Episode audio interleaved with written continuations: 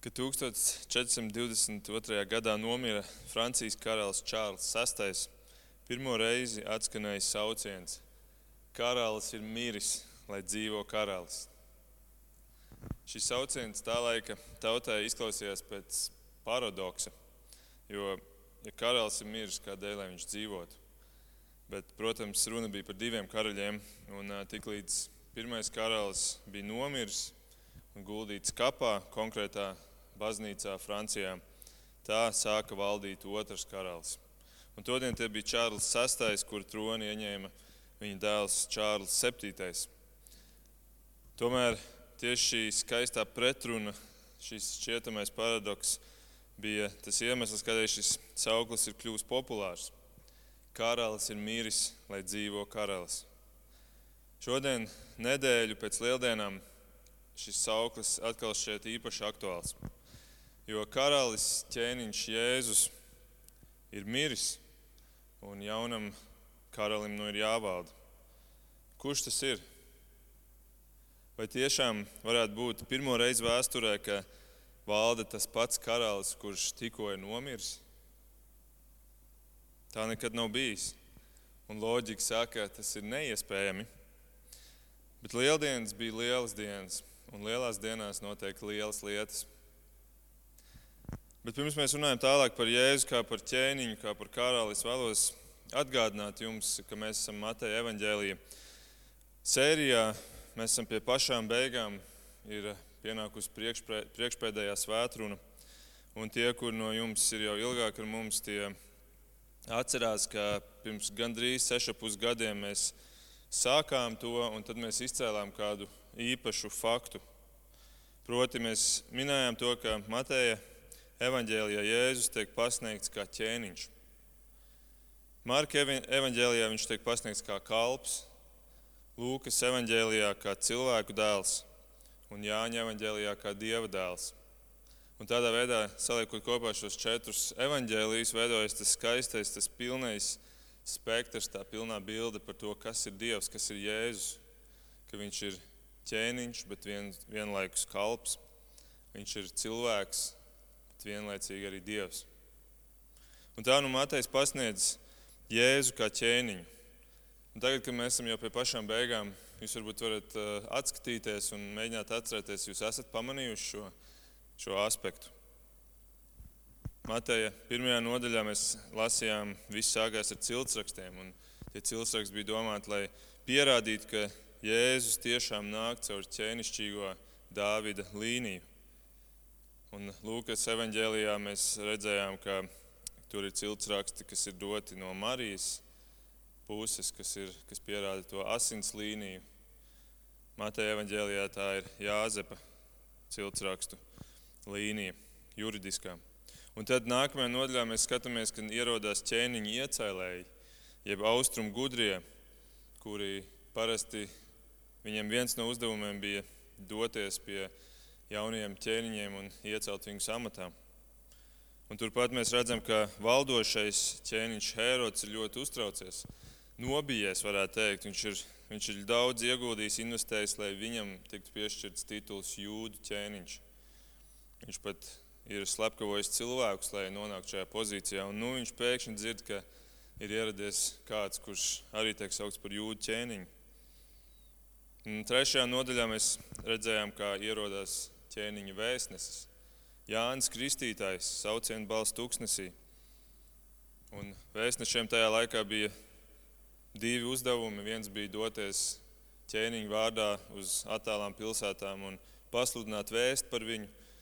Bet otrs uzdevums bija dodoties ceļā uz šīm pilsētām, pārbaudīt ceļa kvalitāti, sagatavot ceļu, kādas lielākas bedres aizbērt, lai tad, kad ķēniņa rati ripos pa šiem ceļiem, lai viņi var tikt cauri.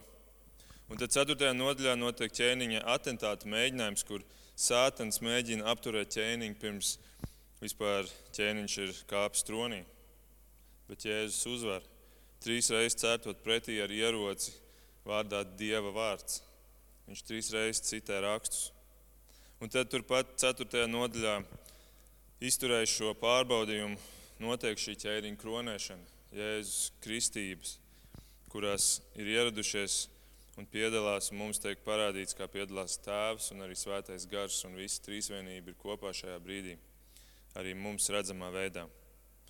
Un tad Mateja 5. nodaļā, trīs nodaļas, Jēzus uzkāpj kalnā un sniedz ķēniņa manifestu, kurā viņš izskaidro, kā darbojas viņa valstība, kā darbojas viņa ķēniņa valstība. Un 8. un 9. nodaļā Jēzus demonstrēja savu varu, Mums bija mazā svētdienas sērija, kur mēs runājām par Jēzus varu, kā tā ir pār miesu un pār dabu, pār garu pasauli un uh, par daudz ko citu. Un, un tad turpinājumā Jēzus vienkārši kalpo savai tautai, kā īstam, uzticīgam ķēniņam tas piedars. Un viņš kalpo tautai, un 14. nodaļā pēc 5000 paēdināšanas tauta ar varu cenšas viņu iecelt par ķēniņu. To mēs Jāņa 6 lasām, ka, ka pēc šīs paēdināšanas viņi gribēja, viņiem nav liela brīnuma, patika ķēniņš, kurš dod bezmaksas sēdienu. Un droši vien vēl pēc tam garšīgāko, kāds jebkad ir ēsts, tikko dieva radīts. Viņi gribēja viņu iecelt par ķēniņu, bet Jēzus izvairījās. Jo tas nebija tas ķēniņa veids, kādu Jēzus ir nācis ieņemt.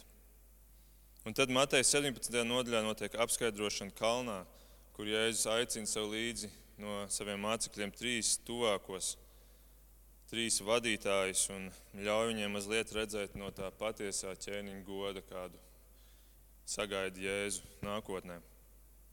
Un tad pienāk Jēzus pēdējā nedēļa virs zemes šeit, šajā dzīvē. Mateja 21. nodaļā Jēzus iejāja Jeruzalemē uz ēzelīšu kā pazemīgs ķēniņš, un tomēr viņš tiek sveikts kā ķēniņš, kā glābējs, Ozijāna augstībā. Un tikai dažas dienas vēlāk Jēzus tiek tiesāts par to, ka viņš esot ķēniņš, ka viņš esot jūdu ķēniņš. Un ar šo apsūdzību jūdi ved Jēzu pie Pilāta. Un Pilāts viņam jautā, Matei 27, vai tu esi jūdu ķēniņš? Un Jēzus atbild, tu to saki. Un tad pirms nāves izpildes kareivi ņirgājas par Jēzu kā par ķēniņu. Turpat Matei 27. mēs lasījām, tie viņu izģērba un aplika viņam purpura apmetni, nopinuši ērkšķu vainagu. Tie uzlika viņam to galvā, deva niedri labajā rokā un mesdamies viņa priekšā ceļos viņu izsmēja. Esi sveicināts jūdu ķēniņ. Un visbeidzot, piestuši krustā Jēzu, viņi piesita tur vēl kaut ko, uzrakstu, publisku apliecinājumu, par ko viņš ir tiesāts. Tur bija rakstīts Indrī, Jēzus Nazarēnus Reks Judeorum, Jēzus Nāceriets Jūdu ķēniņš. Lūk, te mums ir ķēniņš, jūdu ķēniņš, kā izsmieklis, bet vienlaikus tomēr patiesība. Viņš bija ķēniņš, bet cilvēki negribēja šādu ķēniņu. Un tā nu viņiem viņš bija miris ķēniņš. Karalis miris, lai dzīvo nākamais karalis. Bet tad notika neaptveramais, neticamais. Mirušais karalis augšām cēlās, Dievs viņu augšām cēla. Un līdz nāca pārdabisks zīmes, zemestrīce un eņģeļa iejaukšanās. Jēzus piecelšanās, tas viss bija tik pārdabiski, ka romiešu kareivi pakrita kā miruši, tur ir rakstīts. Viņi vienkārši paģība, atslēdzās. Un, kad viņi bija pamodušies, tad kaps bija tukšs. Kaps bija tukšs, lūk, lielā diena, lieldienas. Kaps bija tukšs. Bet kā lai to izskaidro? Un kā lai to paskaidro priekšniekiem, kur bija sūtījuši karavīrus tur apsargāt šo kapu?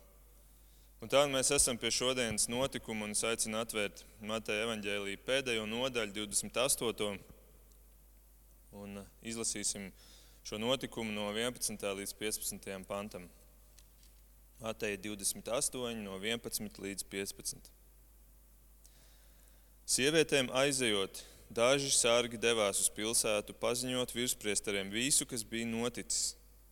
Un virspriesteri, sanākuši kopā ar vecajiem, nosprieda dot kareiviem daudz naudas. Un viņiem teica: Sakiet, ka viņa mācekļi atnāca naktī, kad gulējāt, un viņu izaga. Un, ja tas nāks ausīs pārvaldniekam, tad mēs to pārliecināsim un jūs pasargāsim no nepatikšanām. Karēvi paņēma naudu un darīja, kā bija mācīti. Un šis stāsts ir izplatīts jūdu vidū līdz pat šai dienai.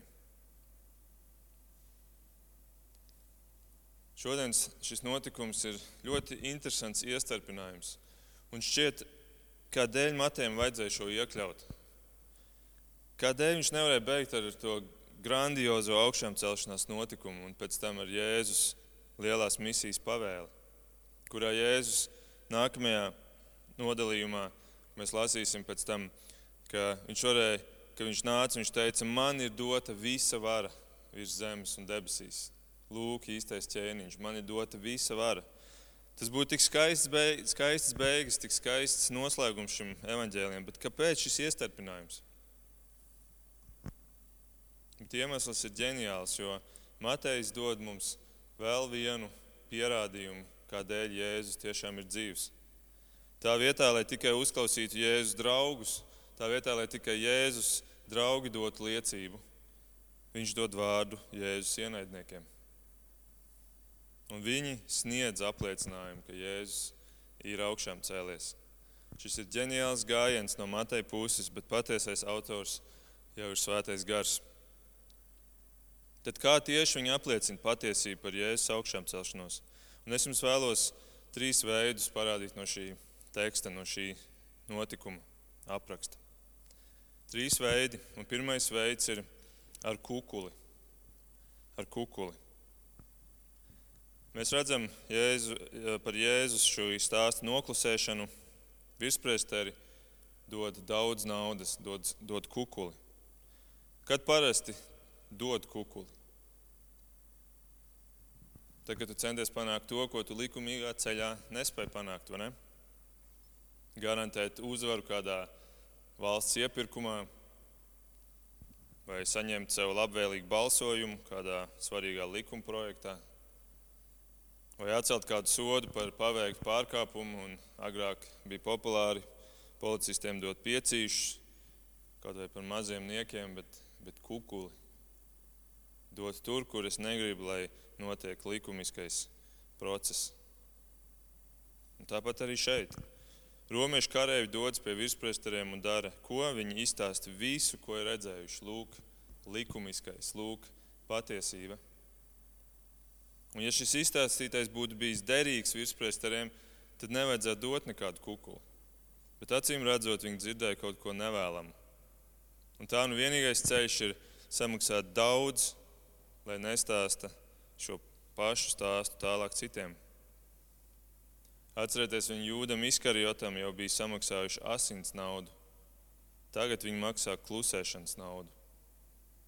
Vispār šī visa nācerieša Jēzus afēra kļūst ar vien dārgāka. Viņi samaksā šeit daudz naudas. Ja jūdam izkarjotam viņi vēl maksāja nievājošu mazu summu, kas bija 180 eiro apmēram pārreikinot mūsdienu vērtībām, tad tagad gan tā ir liela summa. Mēs nezinām precīzi, cik liela tā ir, bet mēs varam nojaust, cik liela tā ir bijusi pēc tā, ka šie kareivi bija romiešu kareivi. Un mazs iestarpinājums, es nezinu, vai ja jūs uzmanīgi lasījāt, jums varbūt uh, radās šis jautājums, pagaidiet, tie bija romiešu kareivi vai jūdu kareivi. Jo iepriekš tur ir rakstīts, ka virspresteriem um, Pilāts saka, ejiet jūs paši ne, un apsargājiet. Jums ir, jums ir sārdze, ejiet un dariet to. Bet latviešu tulkojums, un es, ja godīgi, es esmu pārsteigts, un es nesaprotu, kāpēc tā ir, bet latviešu tulkojumā abos tulkojumos ir iztulkots man mistiski, mistisks, mistisks, mistisks teksts, jo, jo angļu un arī pārbaudīju vācu tulkojums, visur ir pavisam cita doma. Viņš saka, jums ir jau dota romiešu sārdze ejiet un apsargājiet, padariet to tik droši, cik jūs varat. Tas ir tas, ko patiesībā Pilārs šeit saka. Viņš saka, jums jau ir iedota mūsu romiešu sārdze, ejiet un lietojiet to un, un apsargājiet to kāpu, cik vien droši jūs varat. Lūk, tā bija romiešu karavīru sārdze. Romiešu karavīriem sots par aizmigšanu sardzes laikā bija nāve. Romiešiem sods bija nāve, ja viņi tiek pieķerti aizmiegot sardzes laikā. Un, lai romiešu karai būtu gatavi iet un stāstīt citiem šo versiju, nozīmē ne tikai lielu apkaunojumu, bet tas nozīmē iespējamu reakciju, kur cilvēki pretī pajautātu, pagaidi, kāpēc tu joprojām esi dzīves? Tu nāc un stāsti mums kaut kādu šādu versiju, un tu joprojām esi dzīves. Viņiem tiek samaksāts, lai apklusinātu šo vēsti, ko viņi bija redzējuši, šo vēsti, kuru viņi bija izstāstījuši virspriesteriem. Šie kārēji bija patiesībā izstāstījuši virspriesteriem evaņģēliju par augšām celto Kristu.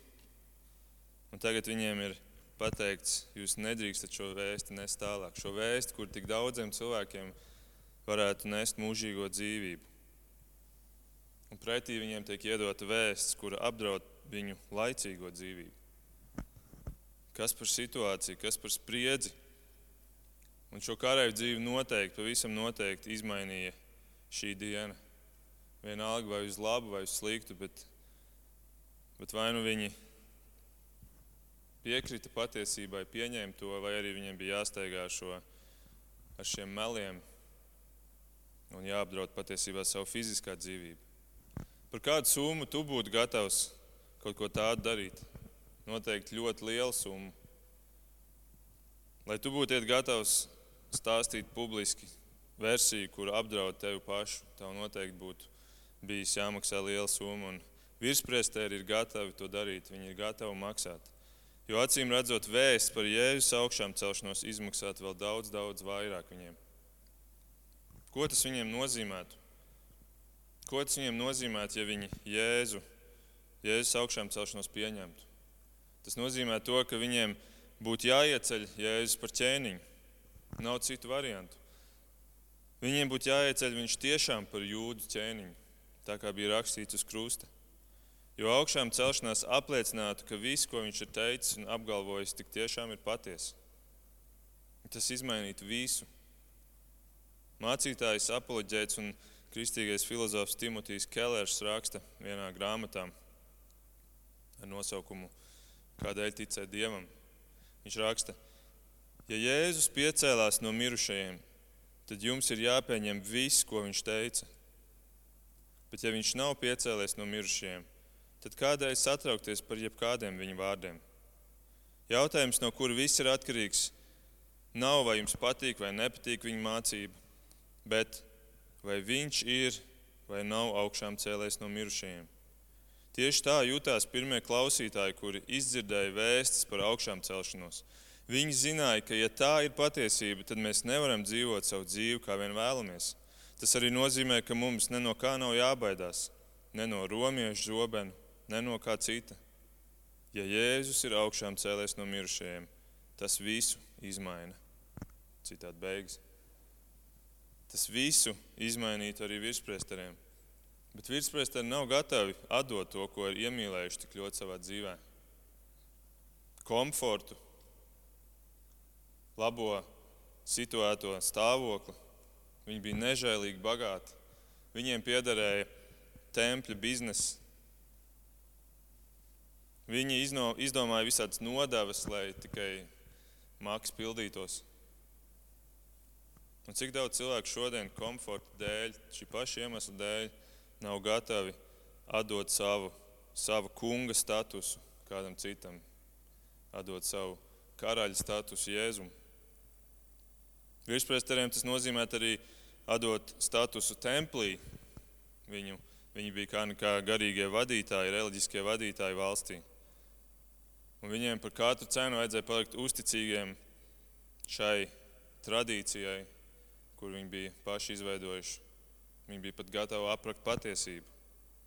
Un cik daudz cilvēku šodien nav gatavi atkāpties varbūt no kādām bērnībā mācītām tradīcijām, kādiem uzskatiem, lai meklētu patiesību.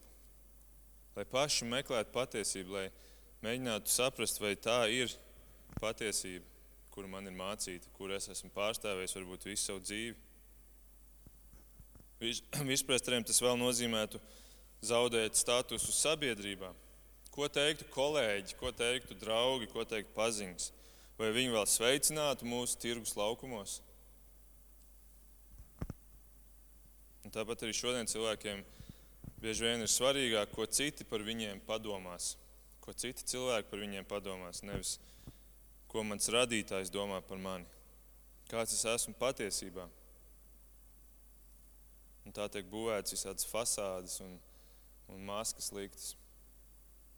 Bet nē, virspriesteriem atdot savu karaļa statusu Jēzum, tā bija pārāk augsta cena. Un tā nu viņi ir gatavi labāk maksāt mazāku cenu, kas ir šeit izteikti vārdiem daudz naudas. Un traģiskais ir tas, ka šie ir Izraēla tautas reliģiskie līderi. Tie, kuriem pirmajiem vajadzēja iepazīt un atpazīt patiesību. Bet tā vietā viņi nopērk melus, lai apslēptu patiesību. Un ja baznīca šodien dara kaut ko līdzīgu, arī kristīgā baznīca, pasaules spiediena dēļ ir gatava pārdot patiesību, lai kura būtu spējusi nest daudziem mūžīgo dzīvību. Ja viņi to dara tikai tāpēc, lai saglabātu šo labo statusu, šo, šo labo slavu pasaulē, lai saglabātu varbūt arī kādus ieņēmumu avotus, tad tas ir ļoti nožēlojami, tikpat nožēlojami, kā tas notika šeit ar virspriesteriem. Un, diemžēl tā notiek. Tā notika jau ar pirmajām draudzēm, un tā notiek arī šodien.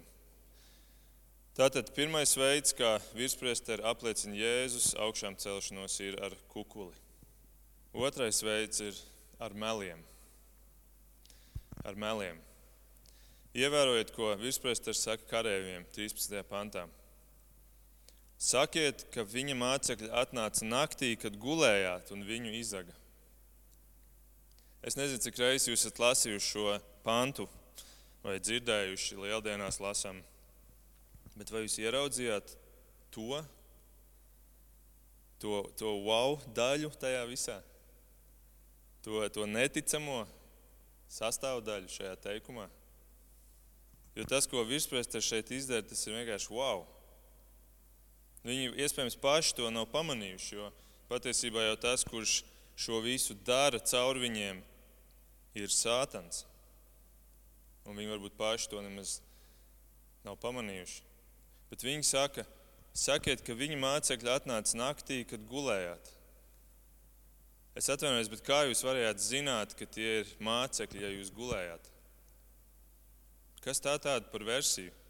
Un atkal jāsaka, ka angļu tulkojums ir precīzāks, jo viņš saka nevis kad gulējāt, bet kamēr jūs gulējāt. Te nav uzsvers uz to, ka jūs gulējāt, un tad viņi ieradās, pamodināja jūs, un tad viņi paņēma jēzus līķi, bet te ir uzsvers uz to, ka jūs nogulējāt visu. Jūs nogulējāt. Jo diez vai mācekļi būtu bijuši tik spēcīgi, lai pārvarētu romiešu sārdzi, kas lielākoties komentāros um, tiek, tiek novērtēta uz aptuveni 10, 12 bruņotu vīru komandu. Apmācītu profesionālu kareivi komandu. Tātad stāstiet melus, ka viņi nozaga, kamēr jūs gulējāt. Pilnīgs absurds. Mēlu versija, kur pati ir sapinusies jau savos melu tīklos. Bet tas lūk notiek, ka cilvēks negrib, lai Dievs valda pār viņu. Lai kāds ķēniņš, Jēzus, valdītu pār viņu. Un ko tik cilvēki neizdomā? Tas ir vājprāts. Ziniet, es jums vēlos nolasīt um, kādu pagarāku citātu no mācītāja Džona Mekartūra, kurš uzskaita dažas alternatīvas versijas, kādas cilvēki ir izdomājuši, lai pamatotu, ka Jēzus patiesībā nebija augšām cēlies.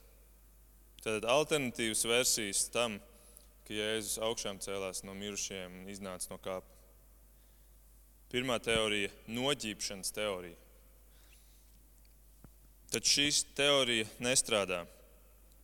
Šī teorija māca, ka Jēzus patiesībā nenomira, bet viņš noģība pie krusta, viņu ielika kapā un pēc tam viņš pamodās tur.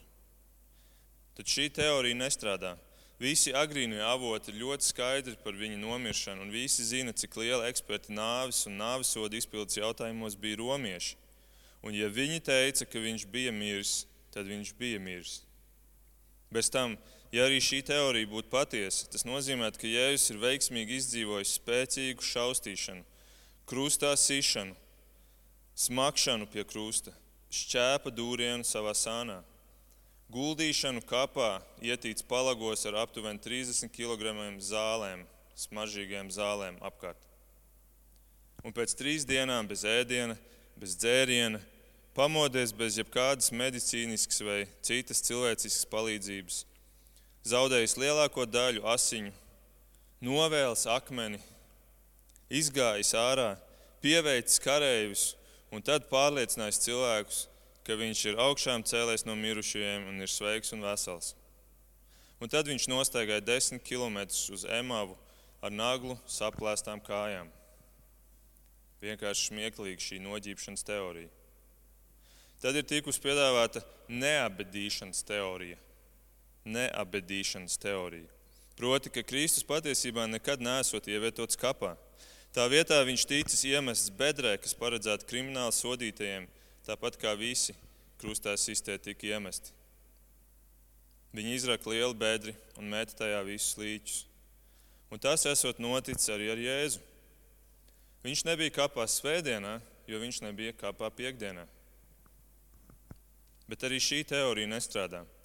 Kādēļ jūdu līderi pieprasīja kapu aizīmo, aizīmogot, ja viņi tur nemaz nebija? Un kādēļ viņi pieprasīja, lai romieši apsargā kapu?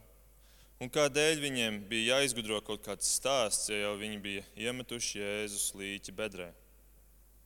Viņi būtu varējuši aiziet līdz bedrē un pateikt, re, kur viņš ir, viņš ir miris.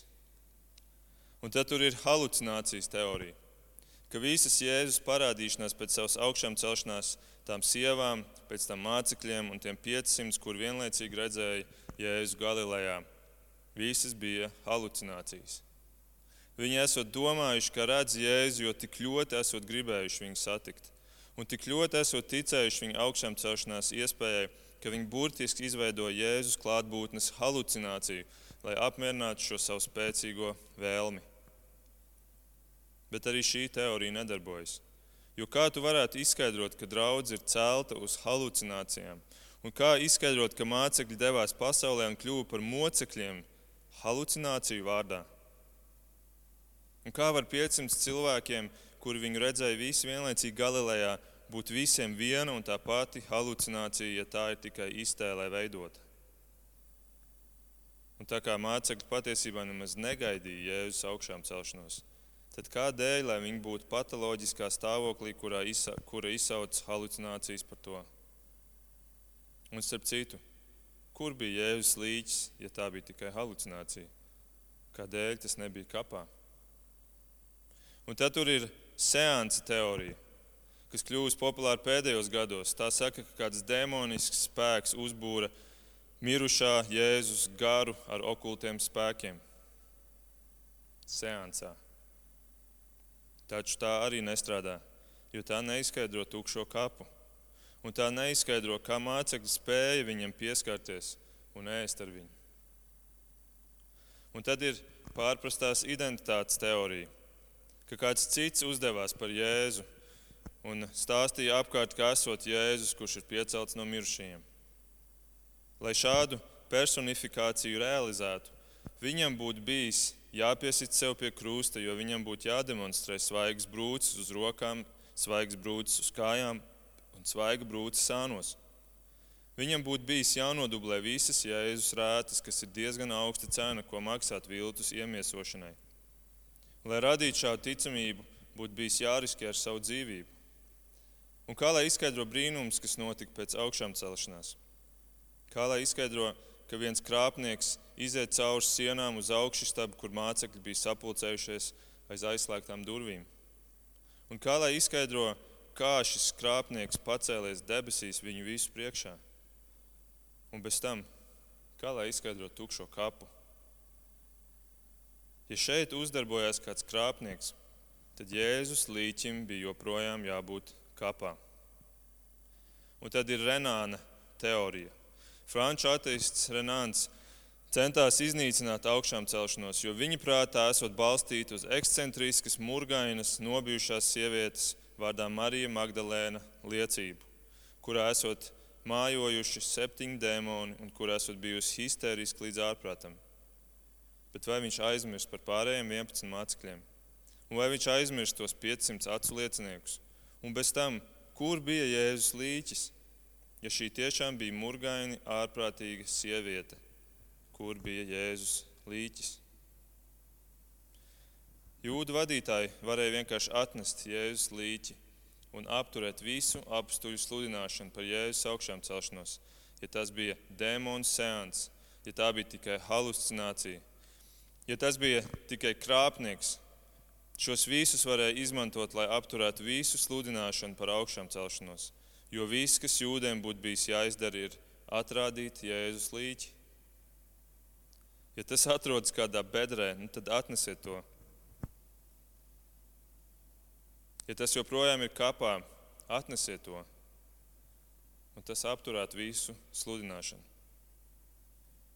Tā nu paliek tikai viena alternatīva Ja tu negribi ticēt augšām celšanai, ir tikai viena iespējama teorija, kur var šķist jēdzīga. Jo izšķirošais augšām, jau, jau, augšām celšanās jautājumā ir spēja izskaidrot, kādēļ līķis ir pazudis. Un, ja tā nav augšām celšana, paliek tikai pēdējā opcija, proti, ka kāds to ir paņēmis. Citādi beigas. Cilvēki tik neizdomā, visādus brīdumus, lai tikai pamatot, lai tikai izskaidrot, kāpēc viņiem nevajadzētu ticēt augšām celtam ķēniņam Jēzum, lai viņiem nebūtu jāseko viņam, lai viņiem nebūtu jākalpo viņam. Un lūk, arī šeit virsprestariem viņiem nav variantu, kaps ir tukšs. Romiešu karēji to tikko viņiem ir apstiprinājuši. Un tas kaut kā ir jāizskaidro. Vienīgā versija ir, ka kāds ir nozadzis, nozadzis līķi. Kāds ir paņēmis līķi? Un, protams, te vēl varētu uzdot jautājumu, labi, kaps ir tukšs, bet kurš tad tieši nozaga viņu? Pieņemsim, ka kāds ir paņēmis, tad kurš varianti, kas ir izskanējuši debatēs, ir romieši, romieši paši paņēmuši. Bet romiešiem nebija nekādas intereses. Jau tā viss šis prasīja pārāk daudz resursu. Kaut kāda romiešu sardze tiek veltīta kapa krustā sista cilvēka, viņuprāt, noziedznieka kapa apsargāšanai. Nekad tas nav noticis nevienā citā gadījumā. Kāpēc, kāpēc viņi jau to dara šeit? Vēl viena versija saka, ka tie, tas, tie varētu būt bijuši jūdi, ka viņi paši jēzu izvāca, lai mācekļi nevarētu pēc tam viņu nozagt. Un tad es lasīju Wikipēdijā, of, oficiālās versijas. Viena versija saka, ka šie jūdi bija pārģērbušies par eņģeli. Baltā tērpā, līdzīgi kā priesteriem bija balta tērpa. Un viņi atnāca un sievietes pārprata to visu un domāja, ka tas ir eņģēlis, bet patiesībā tas bija tikai kāds priesteris. Bet ja Jēzus līķis bija pie jūdiem, tad viņiem bija viena ļoti vienkārša iespēja atrādiet to tautai un būs miers. Citi, cita versija saka, ka kapu zagļi izaga Jēzus miesu. Kaut arī tādi tiešām uzdarbojās Jēzus laikā, kādēļ, lai viņi apzaktu kapu, kuru apsargā romiešu sardze? Viņiem būtu jāsakauj vispirms šie romieši. Un tad vēl variants, nezinu, ja viņi pakluso pielavījās, tad viņiem būtu jānovēl, jānovēl lielais akmens. Diez vai tas ir tik klusi izdarāms. Un vispār kādēļ, lai viņi nestu sev līdzi Jēzus līķi? Apzakt kāpu ir viena lieta, bet nest līdzi pieaugušu vīriešu līķi un tādā veidā mukt, tas nav gluži ātrākais veids. Un bez tam Jēzus kaps liecināja par pilnīgu mieru.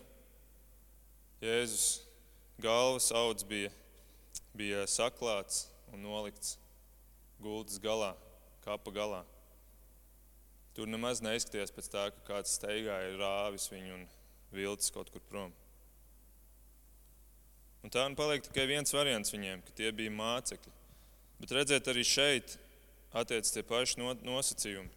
Viņiem būtu jāpieveic romiešu sārdzi, viņiem būtu jāizzog kaps pa kluso. Arī tas ir tikpat neiespējami. Un, protams, ir vēl viens variants. Ļoti nērts variants, un, un viņi un daudz cilvēku to vienkārši ignorē un vispār nepieņem.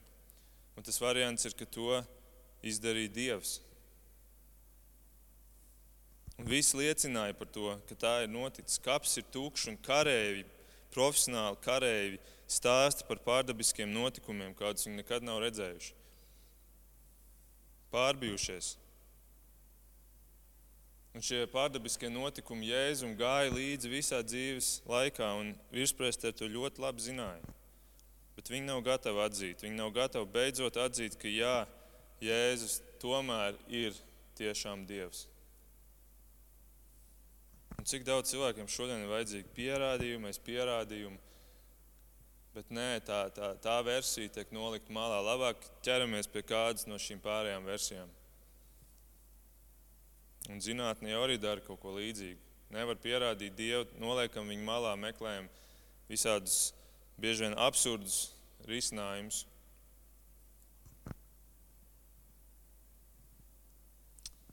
Un tā nu viņi paliek pie saviem meliem, pie savas melu versijas. Vienalga, cik sapinusies tā ir pati sevī. Viņi saka, sakiet, ka viņu mācekļi atnāca naktī, kamēr gulējāt un viņu izaga. Un tā ar savu vajadzību dot kukuli un ar šo melu pinekli viņi apliecina, ka Jēzus tik tiešām ir dzīvo pusē. Bet ir vēl trešais apliecinājums, un tas ir ar Pilāta pārliecināšanu. 4. pantā. Un, ja tas nāks ausīs pārvaldniekam, tad mēs to pārliecināsim un jūs pasargāsim no nepatikšanām. Viņi saka karavīriem. Pārvaldnieks ir tas pats Poncijas Pilārs, kuru virspresteri jau bija aptinuši ap savu pirkstu, lai vispār Jēzus dabūtu krustā. Un viņi bija jau izlūgušies šim Poncijam Pilātam šo romiešu sārdzi, kas bija pilnīgi netipiska rīcība. Kādēļ Poncijas Pilārs piekrita tam visam?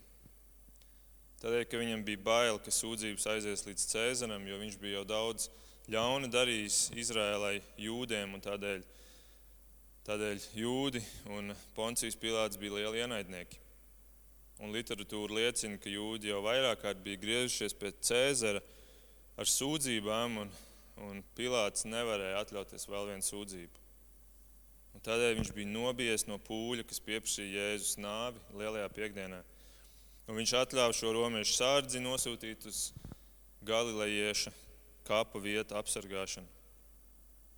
Un arī tagad, ja būs vajadzība, virspresteri pārliecinās Ponciju Pilātu. Visu sakārtos, visu nokārtos. Tas ir neticami, kā Jēzus spēja vienot lielus ienaidniekus. Labāk iet kopā ar savu ienaidnieku nekā šo jēzu. Acīm redzot, tik spēcīgs ir šoks par šo karavīru stāstīto vēsti par jēzus augšām celšanos. Tā nu, labāk pārliecināt ienaidnieku nekā paklausīt dievam. Labāk izdomāt absurdas melu versijas nekā klausīties patiesībā. Labāk maksāt kukuļus, ko Dievs, starp citu, bija aizliedzis Mūzes likumos nekā pakļauties jūdu ķēniņam Jēzum. Lūk, trīs vienkārši veidi, ar kuriem Jēzus ienaidnieki, gribot, negribot, neapzināti atklāja, ka Jēzus ir patiesi augšām cēlies. Un tas mums daudz ko pastāsta par Jēzu, par Dievu, vai ne? Bet, ziniet, tas mums arī daudz ko atklāja par sātanu. Visā šajā Jēzus ķēniņa dzīves laikā Sātans nespēja viņu apturēt. Ne tūkstnesī kārdinot viņu trīs reizes, ne, krusta, ne no krusta nāves, kas bija vajadzīga Jēzum, ne no augšām celšanās. Viņš ir nespēcīgs pret ķēniņu, ķēniņu Jēzu Kristu. Un tā nu atliek tikai viens variants sātanam - sēt melus. un uzpirkt cilvēku šo melu sēšanai un pārliecināt bailīgos, kuri nobijušies pazaudēt savu status quo. Melus sēt. Un mums kā draudzē ir svarīgi ieraudzīt, cik spēcīgi tie var būt. Mums ir jābūt nomodām, mums ir melos, jāsaprot, ka melos guļ sātana patiesais spēks. Es domāju, mums nav tik daudz jābaidās no kaut kādiem sātana demoniskiem spēkiem, no, no, no gara pasaules, tādā izpratnē, ka tagad mums viņi ietekmē negatīvā veidā, sūta visādas nelaimes, visādas koronavīrusus un vēl vis kaut ko. Sātans ar tiem neuzbruka to dienu mācekļiem. Šajā kritiskajā, šajā nenormāli svarīgajā brīdī arī sātanam. Viņš neuzbruka ar šiem ieročiem, bet viņš uzbruka ar meliem. Un tā viņš uzbrūk joprojām šodien. Un man ir sajūta, ka dažreiz arī mēs esam pārāk naivi attiecībā uz garīgiem meliem, uz garīgo patiesību, uz šiem garīgiem jautājumiem, kur arī nāk un ietekmē mūsu un arī mūsu draugus un mūsu kašu, katru kā mūsu personīgajā dzīvē. Sātens ir melu tēvs un viņa meli ir ļoti efektīvi. Tie bija efektīvi to dienu, jo mēs redzam pēdējā pantā, 15. ir rakstīts, karēvi paņēma naudu un darīja, kā bija mācīti. Un šis stāsts ir izplatīts jūdu vidū līdz pat šai dienai. Karēvi aizgāja un paklausīja. Ar visu to neticamo fonu, kas viņiem arī draudēja, stāstot šādu versiju, viņi tomēr aizgāja un paklausīja. Un šis stāsts, kur karēvi izplatīja, bija jau izplatīts pēc tam jūdu vidū tajā dienā, kad Matejs raksta šo evaņģēliju, kas ir apmēram 30 līdz 40 gadus vēlāk. Tas bija izplatīts tautas vidū. Mēli bija izkaisīti un nesuši jau daudz augļu. Un arī šodien šis stāsts ir izplatīts. Tādēļ vairumam cilvēku lieldienas bija kā svētki, kuros viņi varēja skaļi saukt: Karalis ir miris, lai dzīvo karalis. Karalis Jēzus ir miris, lai dzīvo karalis es. Un cilvēki notic šiem ērtajiem meliem. Šodien tie ir ērti, bet kas būs rīt? Kas būs to dienu, kad būs jāstājās šī patiesā dzīvā ķēniņa, ķēniņa priekšā? Cik tev būs argumentu, lai izskaidrotu, ka viņš patiesībā nav augšām cēlies? Zini, tad kukuļi vairs nepalīdzēs, un baltām šuvēm sašūti meli, melu stāstīņi vairs nelīdzēs un pārliecināšanas metodas vairs nedarbosies. Tad atskanēs tikai viens jautājums. Un tas būs, kurš ķēniņš ir dzīves? Kurš karalis ir dzīves? Lūksim Dievu. Debes Tēvs, paldies par to, ka Tu esi aiz šī visa, ka Tu esi tas patiesais kurš ir paņēmis jēzu no kapa. Paldies, ka ir tik daudz apliecinājumu tam, ir tik daudz liecību, kuras ir atnākušas līdz mūsu dienām. Un, eh, paldies, kungs, ka kaut arī mēs paši savā spēkā nekad nevarētu visu izskaidrot sev līdz galam, pierādīt sev.